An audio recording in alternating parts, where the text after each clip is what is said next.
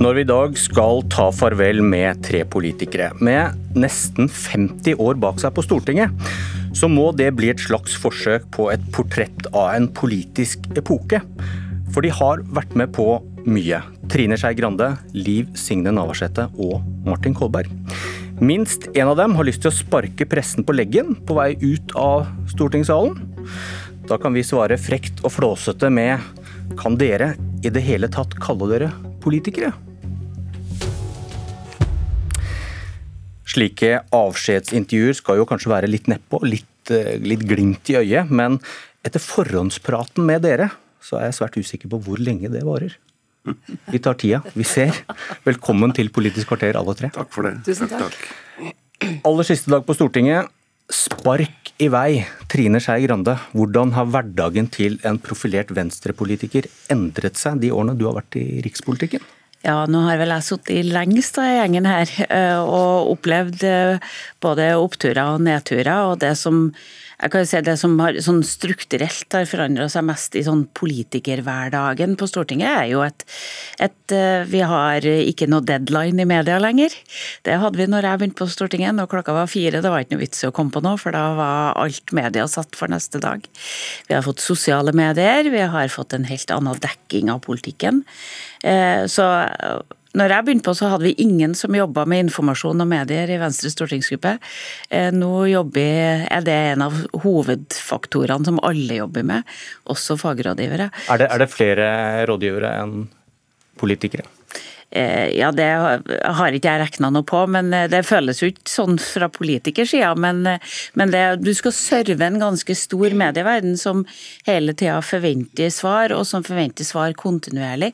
Så tempoet har økt dramatisk i måten man jobber politikk på. På de 20 årene jeg har vært på Stortinget, så er det vel kanskje det som er den mest karakteristiske endringa av det politiske arbeidet. Men nå må du ikke svikte meg, vi snakket sammen i går. Jeg lovet et spark på leggen til pressen her for det hadde du. Ja, det som, det som jeg ser, om det er et spark, det er bare en observasjon om at, at også personene har blitt viktigere enn politikken. Eh, og at, at det, å, det, å, markedsføre seg som person og nærmest et merkevare eh, har blitt viktigere enn det å markedsføre politiske standpunkt. Og du får spørsmål også fra journalister som du lurer på er de egentlig interessert i hva du mener, eller er de bare interessert i hvem du er og og hvordan du er. Da snakker du om pressen? Ja. Enig i det, Navarsete? Ja, til dels så har personfokuset vårt mye, mye større. Eh, derfor er det jo viktig at, eh, at vi som er politikere eh, faktisk evner å løfte politikken.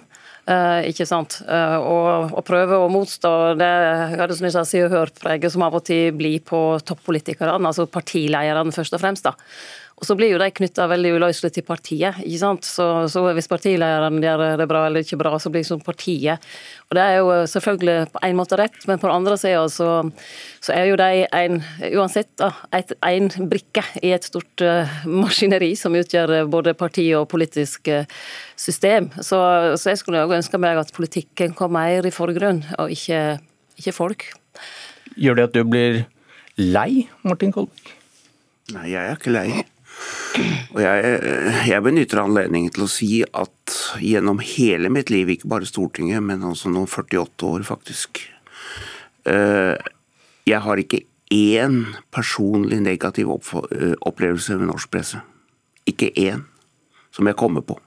Hørte dere andre? Ja, ja, men, ja, men, det har litt det, Men jeg vil si til mine gode kolleger her nå, det er riktig det som beskrives av Trine og Liv Signe her, men det er også hvordan vi politikere stiller oss til disposisjon. For uh, hvis du ikke stiller deg til disposisjon for Se og Hør-kulturen, så slipper du unna Se og Hør-kulturen. Og uh, jeg har snakket mye med pressefolk gjennom årene. Jeg har aldri blitt misbrukt og jeg har aldri egentlig blitt feilsitert. Og eh, det vil jeg først og fremst benytte anledningen til å takke for, fordi det syns jeg har vært fint. Men så er det selvfølgelig det å si at det har jo vært en utvikling i pressen og i samfunnet som utfordrer politikkens eh, integritet og legitimitet på mange sett og vis. Eh, jeg har i, i forhåndssamtalen med, med programlederen her sagt at I forrige uke vedtok Stortinget loven om kontinentalsokkelen. En helt fundamental, viktig sak for de neste 50 åra. For norske stat og for norske samfunn. Praktisk talt ingen som har sagt noe om det. Og den dagen var de fleste bare opptatt av disse elektriske sparkesyklene i Oslo. Nå er det en sak som selvfølgelig også måtte dekkes, men jeg bruker det bare som et perspektiv på at jeg er litt redd for at pressen glipper litt på akkurat dette, og at vi politikere lar det gå, på en måte. Nå er ikke pressen her for å forsvare seg, så vi må snart slutte, men du rakk opp hånda, Skei Nei, altså, jeg mente det som, jeg mente mer som en observasjon enn kritikk. Eh, og så tror jeg nok at verden også oppfattes litt ulikt mellom kvinnelige og mannlige politikere tror jeg nok jeg og Liv Signe kan skrive under på. Det er veldig eh, Jeg beskriver i boka mi at en av de Når jeg holdt min første landsmøtetale, så gikk jeg ned fra talerstolen, og da fikk jeg fra en, en av de største mediene i Norge første spørsmålet mitt var hvorfor har du på deg den jakken? Ja. Eh, Hvorfor hadde du på deg den jakken? Nei, Det hadde jeg ikke tenkt så nøye om. så jeg tror kanskje at dette oppleves, oppleves litt ulikt. Og jeg håper at flere Eh, journalister istedenfor å stille seg spørsmålet på morgenmøtet om hva snakker folk om i dag, heller stille spørsmålet hva bør folk snakke om i dag. Mm. La oss snakke om politikken. Eh, jeg nevnte en grusom hevn når jeg nå leser opp hva jeg en gang lærte var definisjonen på politikk. Politikk er fordeling av knappe goder, altså vonde prioriteringer. Men på deres vakt så har vi svømt i oljepenger. Ny velferd har vel sjelden gått på bekostning av eksisterende velferd. Og hvis politikk er fordeling av knappe goder, hva skal vi kalle dere da, Liv Signe Navarsete? Ja, Nå er jeg ikke helt enig i uh, definisjonen. Uh, for jeg, jeg, tenkte litt på det i går ettermiddag. Uh, vi snakka litt òg i lag i går. Og, det, når jeg satt i regjering, i den rød-grønne regjeringa, så, så, fikk vi en finanskrise i fanget. Vet, begynnelsen på, på 2000-tallet, det var jo voldsom optimisme. Det hadde jo sammenheng med Sovjetunionens fall, ikke sant, murens fall, eller, og altså, veldig sånn nyorientering. Alle skulle bli gode venner, og det var liksom fred og fordragelighet, økonomien steig, Kina kom. Veldig, det betydde jo mye for økonomien. Og så kom finanskrisa. Og da var det liksom en bratt nedtur, skikkelig utfor stupet. Og så greide vi å håndtere det godt i Norge, selvfølgelig mye takket være at vi har et oljefond og kunne ta gullkortet i bruk. Det var ikke så mange andre som kunne det. Men, men det var eh, kanskje òg en vekker i forhold til at det er ingenting som vokser inne i himmelen, og heller ikke økonomisk. Og så har vi dagens situasjon der det, det, blir trangere økonomiske tider, og det har det gradvis blitt. Og vi ser jo at spenningene øker rundt oss. Vi ser at det er mindre trygt enn vi trodde det var. Um, så, jeg, så, jeg, tenker at i den tiden jeg har vært i rikspolitikken, så starta liksom det en veldig sånn boom opp, og så ble det finanskrise. Så kom uh, det som skjedde med Russland og, og Krim, og veldig sånn motsetningsfylt. Eh, ikke sant? Spenningene øker overalt. og det tror jeg de som nå skal ta over, kommer til å merke mye mer. Så det er klart Vi har økonomisk sett i Norge hatt en veldig flott tid og kunne unnt oss mye, mye og privat velstand. Men, eh, men jeg tenker at eh, det blir nok, det blir nok strammere tider framover. Både økonomisk, men òg det er òg et sånt verdensbilde rundt oss som gir mye mer usikkerhet enn eh, kanskje vi har hatt i alle fall den første delen av vår eh, politiske tid. Skei Grande, du er den siste som har styrt her og sittet i regjering. Partiet ditt styrer jo Norge nå. Har dere sagt så mye nei? Jeg, jeg må innrømme at det, det jeg skjønner etter siste dagen, når Liv Signe snakka om utenrikspolitikk, jeg var nesten enig i alt hun sa. så, liksom, altså det, det er vi, vi har eh, jeg tror nok at din definisjon av politikk er for snever, i hvert fall når vi har vært gjennom en pandemi. så tror jeg Den man, passer ikke helt deres generasjon, som har hatt så mye nei, penger, kanskje? nei, men den passer ikke helt i forhold til de utfordringene vi har stått i. Eh, så, så det, da er det andre ting som er viktige òg. Men det som, er, det som jeg mener at man må lære seg i norsk politikk, det er at mere er ikke politikk. Og det er veldig mye mere på Stortinget. Nå er det bare 48 timer siden vi hadde et flertall på Stortinget som f.eks. la inn tre kvart milliard mer i trygdeoppgjøret uten dekning. Eh, sånn kan vi ikke gjøre det. Hvis du blir enig om å plusse på, så må du bli enig om å ta noe fra nå. Men hvem er du til å sitte og snakke om eh, bruk av penger? Du har jo sittet og øst ut i ja, men vi har, vi har jo inntil vi kom møtte en pandemi, skrudd ned bruken av, av altså handlingsregelen og, og, prosentdelen av bruken av, av, av Økningen har blitt litt, litt, slakkere? Ja, den har blitt litt slakkere. Men det har jo blitt store påplussinger når du skal lage flertall. Så det som jeg tror, det er at folk må bli litt mer glad i de politikerne som viser inndekning, og glad i de politikerne som klarer å se hvordan du kan gjøre denne velferdsstaten vår bedre uten hele tida å putte på mer. Og Martin Kolberg, de som kommer etter deg og dere, de må kanskje lære seg å si nei oftere enn dere har måttet gjøre? Ja, det tror jeg.